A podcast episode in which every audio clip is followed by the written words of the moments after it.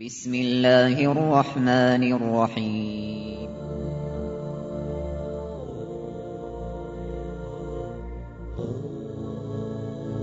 الرحمن العزيز الرحيم القوي السلام الكريم العظيم البصير العليم الحكيم الجبار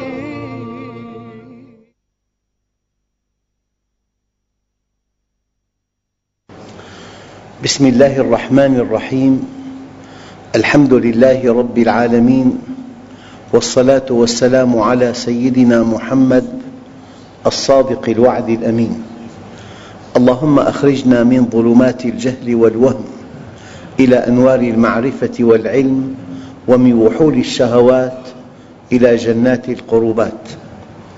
أيها الإخوة الأكارم لا زلنا في اسم الوكيل. قالوا من توكل عليه تولاه وكفاه ومن استغنى به أغناه وأرضاه وإذا تولى الله عبده بجميل العناية كفاه كفاه كل شغل وأغناه عن كل غير يعني هو التوكل يحتاج إلى معرفة لن تتوكل عليه إلا إذا عرفته. أنت في حياتك الدنيا إذا سافرت تسلم محلك التجاري لإنسان تثق به تثق بعلمه بكفاءته بحكمته بأمانته. لن تضع إنسانا مكانك في عمل له شأن كبير إلا إذا وثقت بصفات كثيرة. فالتوكل ليس كلمة تقولها وليس وهما تتوهمه التوكل حقيقة. أنت لن تتوكل إلا على القوي العليم الحكيم الذي يحبك الذي لا يخونك المخلص لك. فأنت في حياتك الدنيا لن تسلم عملك. شأنك بيتك أحيانا توكل أخو زوجتك الذي يحبك وحريص على سمعتك وحريص على مالك في غيابك. إذا التوكيل يحتاج إلى علم. لكن في نقطة دقيقة لو أن الله سبحانه وتعالى خلق الإنسان قوياً. إن خلقه قوياً لن يتوكل عليه. إن خلقه قوياً لن يلجأ إليه. إن خلقه قوياً لن يتوب إليه. إن خلقه قوياً لن يطيع أمره. لكن لحكمة بالغة بالغة خلقه ضعيفاً. خلقه ضعيفاً ليفتقر في ضعفه. فإذا افتقر في ضعفه سعد في الدنيا والآخرة. لم يخلقه قوياً لأنه لو خلقه قوياً لاستغنى بقوته فشقي باستغنائه. السعادة أن تكون معه السلامة أن تكون معه. فالضعف في أصل خلقك لصالحك. عنده السعادة عنده الأمن عنده الرضا عنده التفوق. خلقك ضعيفاً كي تلجأ إليه.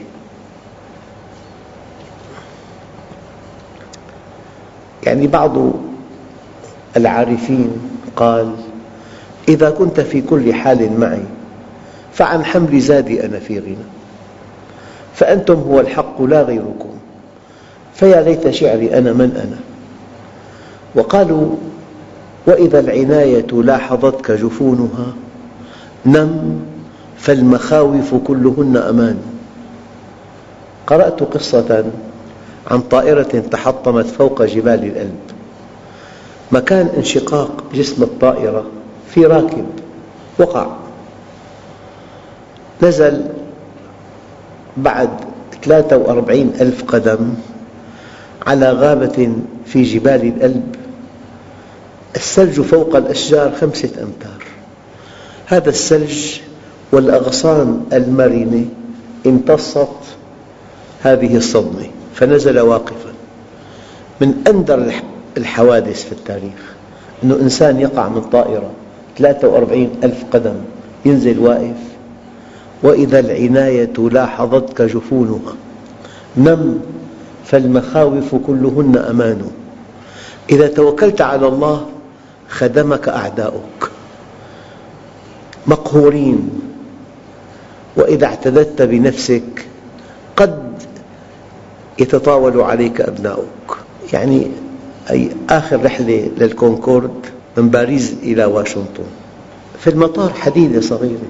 هذه الحديدة الصغيرة سببت احتراق الطائرة بأكملها. مع 450 راكب. أيام الله عز وجل بيهلك على أتفه سبب وأيام بيحفظ بأتفه سبب.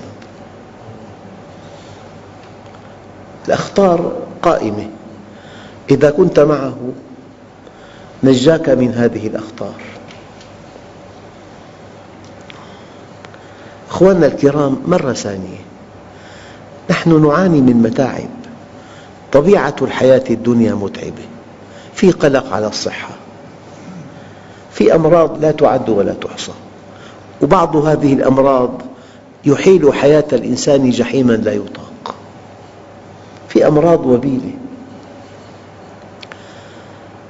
أمراض في نقص مياه في غلاء أسعار في عدو متسلط أحيانا.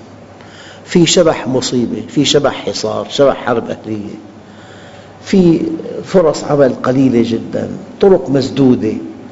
لو أن أحدنا سأل السؤال يا رب لماذا هذه المتاعب؟ لأنك في دار العمل. فإذا قصرت بالعمل ابتلاك الله بالهم. يعني الله عز وجل يسوقنا إلى بابه. عجب ربكم من قوم يساقون إلى الجنة بالسلاسل. والبطولة أن تأتيه طائعا أن تأتيه بمبادرة منك.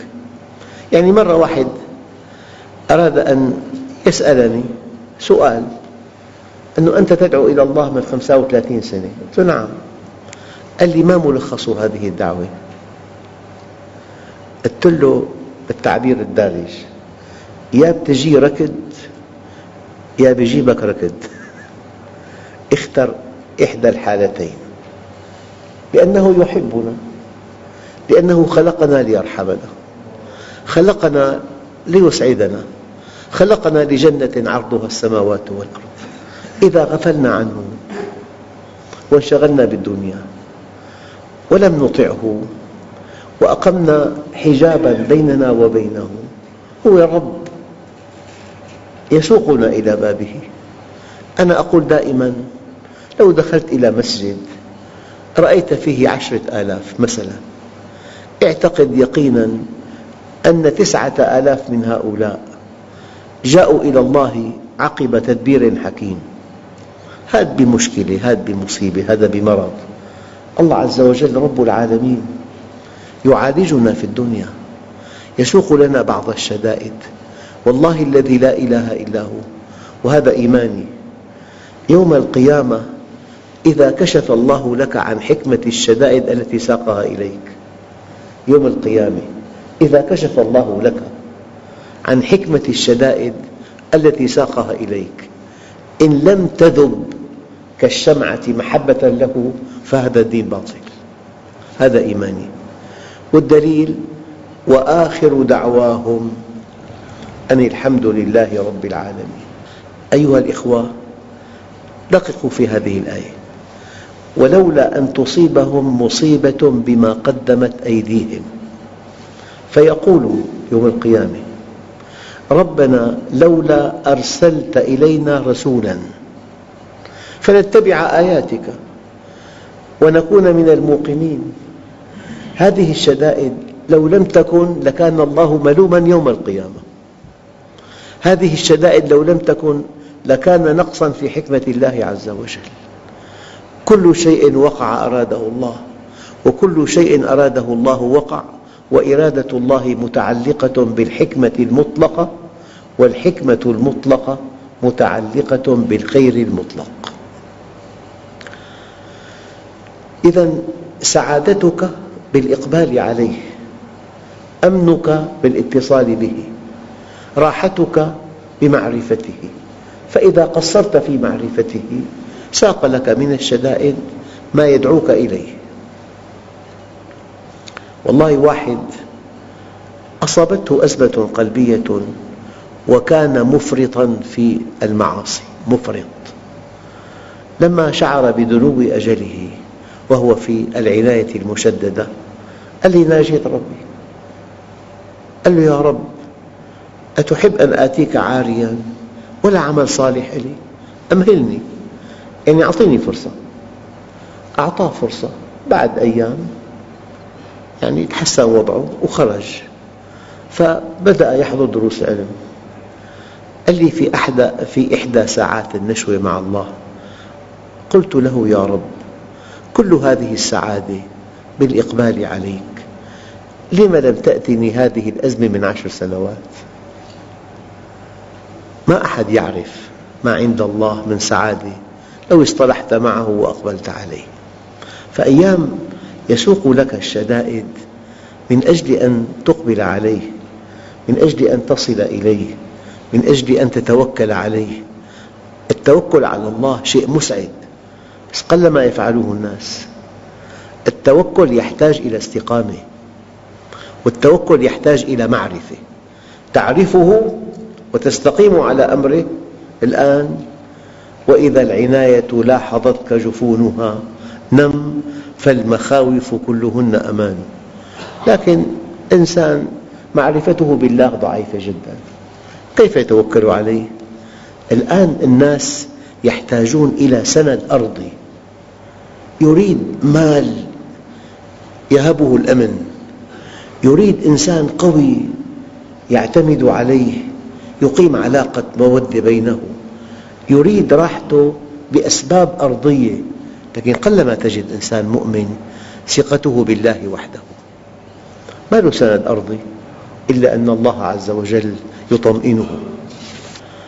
أيها الإخوة يقول عليه الصلاة والسلام إن قلوب بني آدم كلها بين إصبعين من أصابع الرحمن كقلب واحد يصرفه حيث يشاء. هل تعلم أن هذا الحديث وحده يهبك الأمن؟ هؤلاء الأقوياء الذين حولك الأقوياء الذين لا تستطيع أن تواجههم قلوبهم بيد الله. فإذا أحبك الله ألقى هيبتك في قلوبهم. وإذا لم يحبك الله ألقى القسوة في قلوبهم عليك. أي إنسان بيعاملك معاملة اعلم علم اليقين أن قلبه بيد الله. إما أن يقسو هذا القلب أو أن يرق هذا القلب. إما أن يمتلئ قلب عدوك هيبة منك.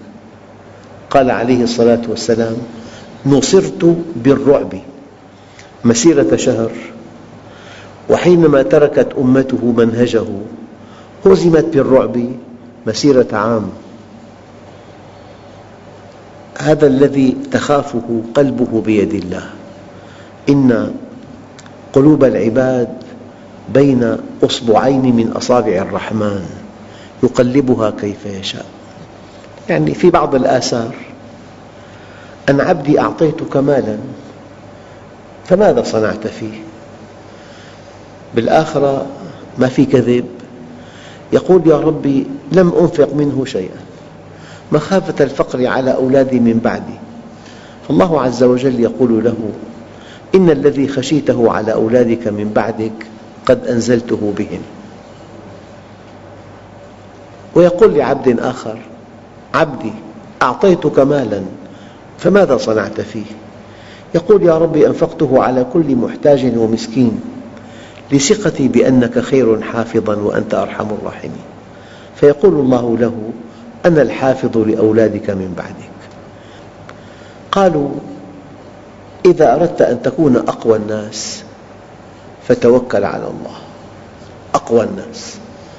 وإذا أردت أن تكون أغنى الناس فكن بما في يدي الله أوثق منك بما في يديك. وإذا أردت أن تكون أكرم الناس فاتق الله. دقق في هذه الآية.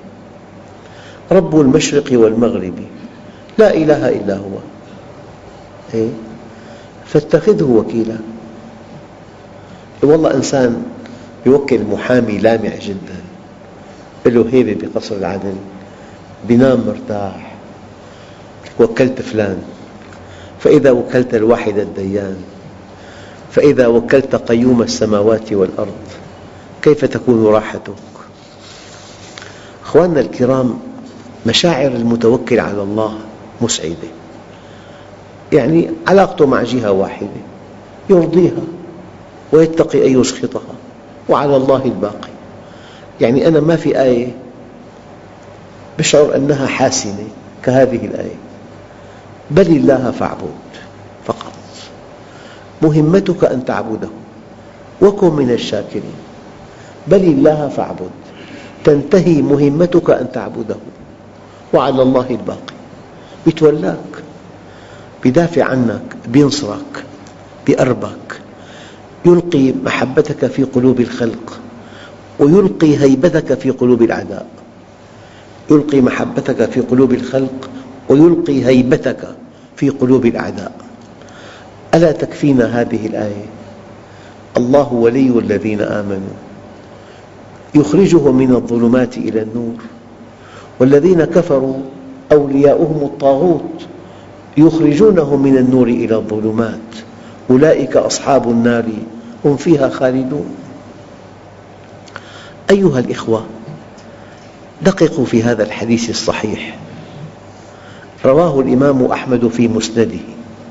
من حديث أبي هريرة رضي الله عنه أن النبي صلى الله عليه وسلم قال توكل الله بحفظ امرئ توكل الله بحفظ امرئ خرج في سبيل الله لا يخرجه إلا الجهاد في سبيل الله وتصديق بكلمات الله حتى يوجب له الجنة أو يرجعه إلى بيته. أو من حيث خرج. إنسان خرج في سبيل الله. لا يخرجه إلا الجهاد في سبيل الله. توكل الله بأن يدخله الجنة أو يرجعه إلى بيته أو من حيث خرج. قل هل تربصون بنا إلا إحدى الحسنيين؟ إما أن نستشهد أو أن ننتصر. أبدا. الأحاديث التي وردت عن الشام. الحديث رواه أبو داود أن النبي صلى الله عليه وسلم قال عليك بالشام فإنها خيرة الله من أرضه يجتبي إليها خيرته من عباده فإن الله توكل لي بالشام وأهله. بلاد الشام طبعا التي حول بيت المقدس. التي باركنا حوله. نعم.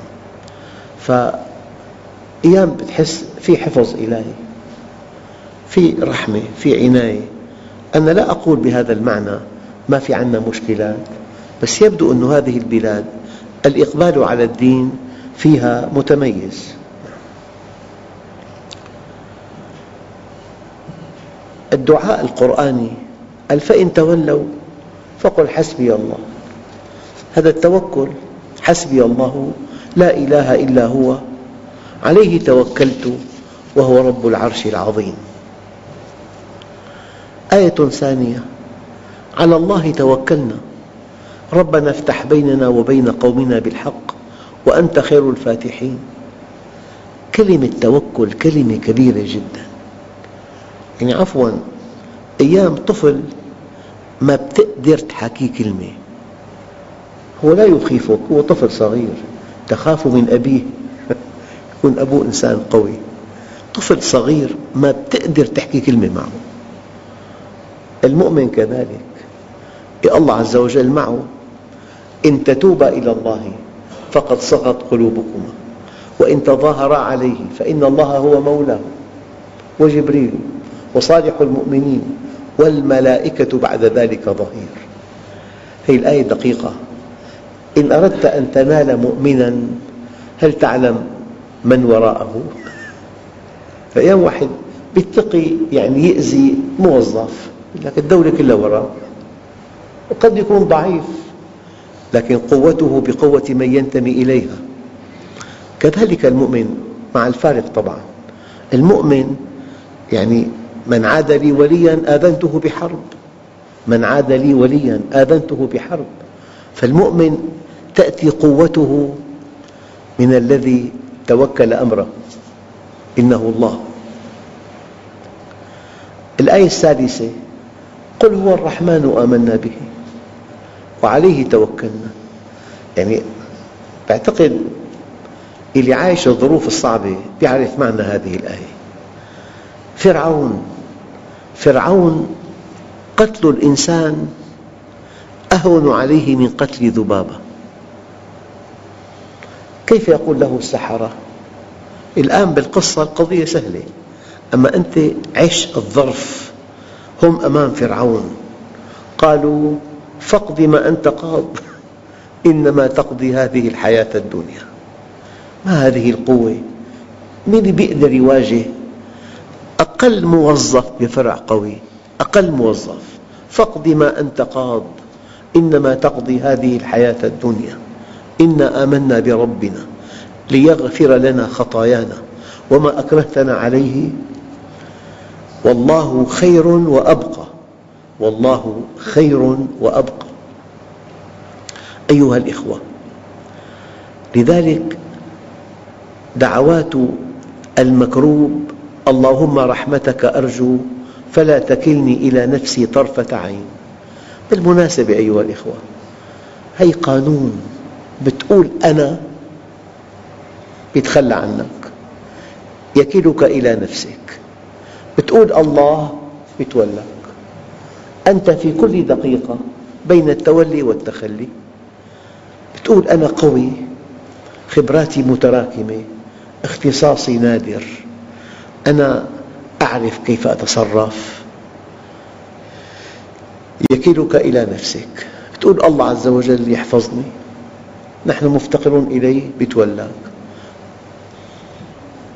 والنبي عليه الصلاة والسلام يخاطب فاطمة.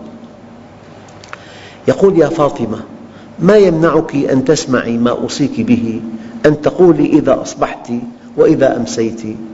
يا حي يا قيوم برحمتك أستغيث. وأصلح لي شأني كله ولا تكلني إلى نفسي طرفة عين أبدا. أخواننا بقي فكرة دقيقة جدا. المتوكل ما أركان التوكل؟ أو ما مراحل التوكل؟ أو ما خصائص التوكل؟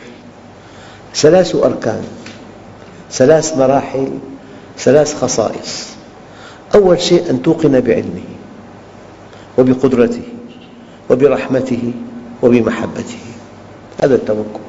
واثق أن الله بيده كل شيء وأن الله قادر على كل شيء وأن الله يحب أن يرحمك وأن الله يحبك. عليم قدير حكيم رحيم محب. شرط التوكل أن تعرفه. فاجتهد أن تعرفه من أجل أن تتوكل عليه. هذه مرحلة إيمانية. آمنت به. الإيمان الذي يحملك على التوكل عليه. اثنين أن تأخذ بالأسباب. هنا المشكلة الكبرى في العالم الإسلامي. توكل بلا أخذ بالأسباب.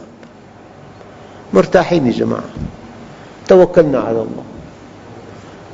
المسلمون ينتظرون معجزة. يقضي الله بها على عدوهم هذا مستحيل. لا بد من أن تعد للأعداء عدة وأعدوا لهم. فالتوكل الحقيقي إيمان بالله إيمان بقدرته برحمته بعلمه بحكمته بمحبته ثم أخذ بالأسباب وكأنها كل شيء. هذا الأخذ بالأسباب برع به الغربيون واعتمدوا على الأسباب وألهوها وقعوا في الشرك. وتركه المسلمون تركوا الأخذ بالأسباب وقعوا في المعصية. يجب أن تتوكل عليه بعد أن تعرفه وأن تأخذ بالأسباب. المرحلة الثالثة وأن تستسلم للنهاية.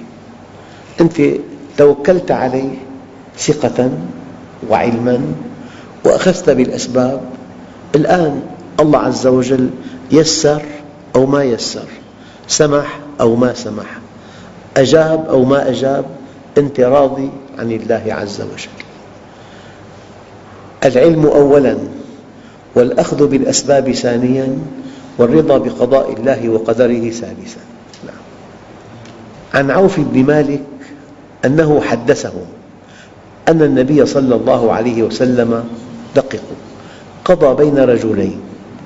فقال المقضي عليه لما أدبر إيه حسبي الله ونعم الوكيل. هذه كلمة فيها سوء أدب. واحد ما درس أبدا. أما نجح قال إيه حسبي الله ونعم الوكيل. لم تنجح جزاء تقصيرك. فالنبي مشرع. فلما قال هذا الرجل الذي حكم عليه حينما أدبر حسبي الله ونعم الوكيل قال النبي الكريم له ردوا علي الرجل. فردوه عليه فقال ما قلت؟ قال قلت حسبي الله ونعم الوكيل. فقال عليه الصلاة والسلام إن الله يلوم على العجز ولكن عليك بالكيس فإذا غلبك أمر فقل حسبي الله ونعم الوكيل. يعني طالب ما درس أبدا. فإذا رسب ينبغي ألا يقول حسبي الله ونعم الوكيل. ينبغي أن يرى عدم النجاح جزاء طبيعي لعدم الدراسة. أما حينما يدرس دراسة متقنة ويأتيه مرض لا سمح الله يحول بينه وبين الامتحان. الآن يقول حسبي الله ونعم الوكيل. لا تقل حسبي الله ونعم الوكيل إلا بعد أن تأخذ بالأسباب. ولحكمة بالغة بالغة الله عز وجل يقرر ألا يستجاب دعاؤه هذا موضوع ثاني. فهي كلمة إما أن تقال بأدب جم وبحكمة بالغة وإما أن تقال بسوء أدب مع الله. هلأ طالب مثلا. ما درس إطلاقا وما نجح. كل ما سألوه والله هيك الله كاتب لي. أنا توكلت عليه هيك كاتب لي. هي زعبرة هي. هي زعبرة وهي دجل. أنت ما درست وما نجحت بحسب قوانين ربنا ينبغي ألا تنجح. أما درست وأصبت بمرض منعني من أداء الامتحان بتقول حسبي الله ونعم الوكيل. تاجر ما درس الصفقة اشتراها ببساطة ما ربحت خسرت هيك الله كاتب لي لا أنت مقصر. هي أنه كل أخطائنا نردها للقضاء والقدر. هذا كذب ودجل. لا يرد للقضاء والقدر إلا شيء أخذت بكل أسبابه. وشاءت حكمة الله ألا تناله. عندئذ تقول حسبي الله ونعم الوكيل. لا تقال هذه الكلمة حينما لا تأخذ بالأسباب. إن لم تأخذ بالأسباب في نظام عند الله عز وجل في أسباب ومسببات ذي القرنين آتيناه من كل شيء سببا فأتبع سببا والحمد لله رب العالمين. بسم الله الرحمن الرحيم. الحمد لله رب العالمين والصلاة والسلام على سيدنا محمد الصادق الوعد الأمين. اللهم أعطنا ولا تحرمنا أكرمنا ولا تهنا آثرنا ولا تؤثر علينا أرضنا وارض عنا.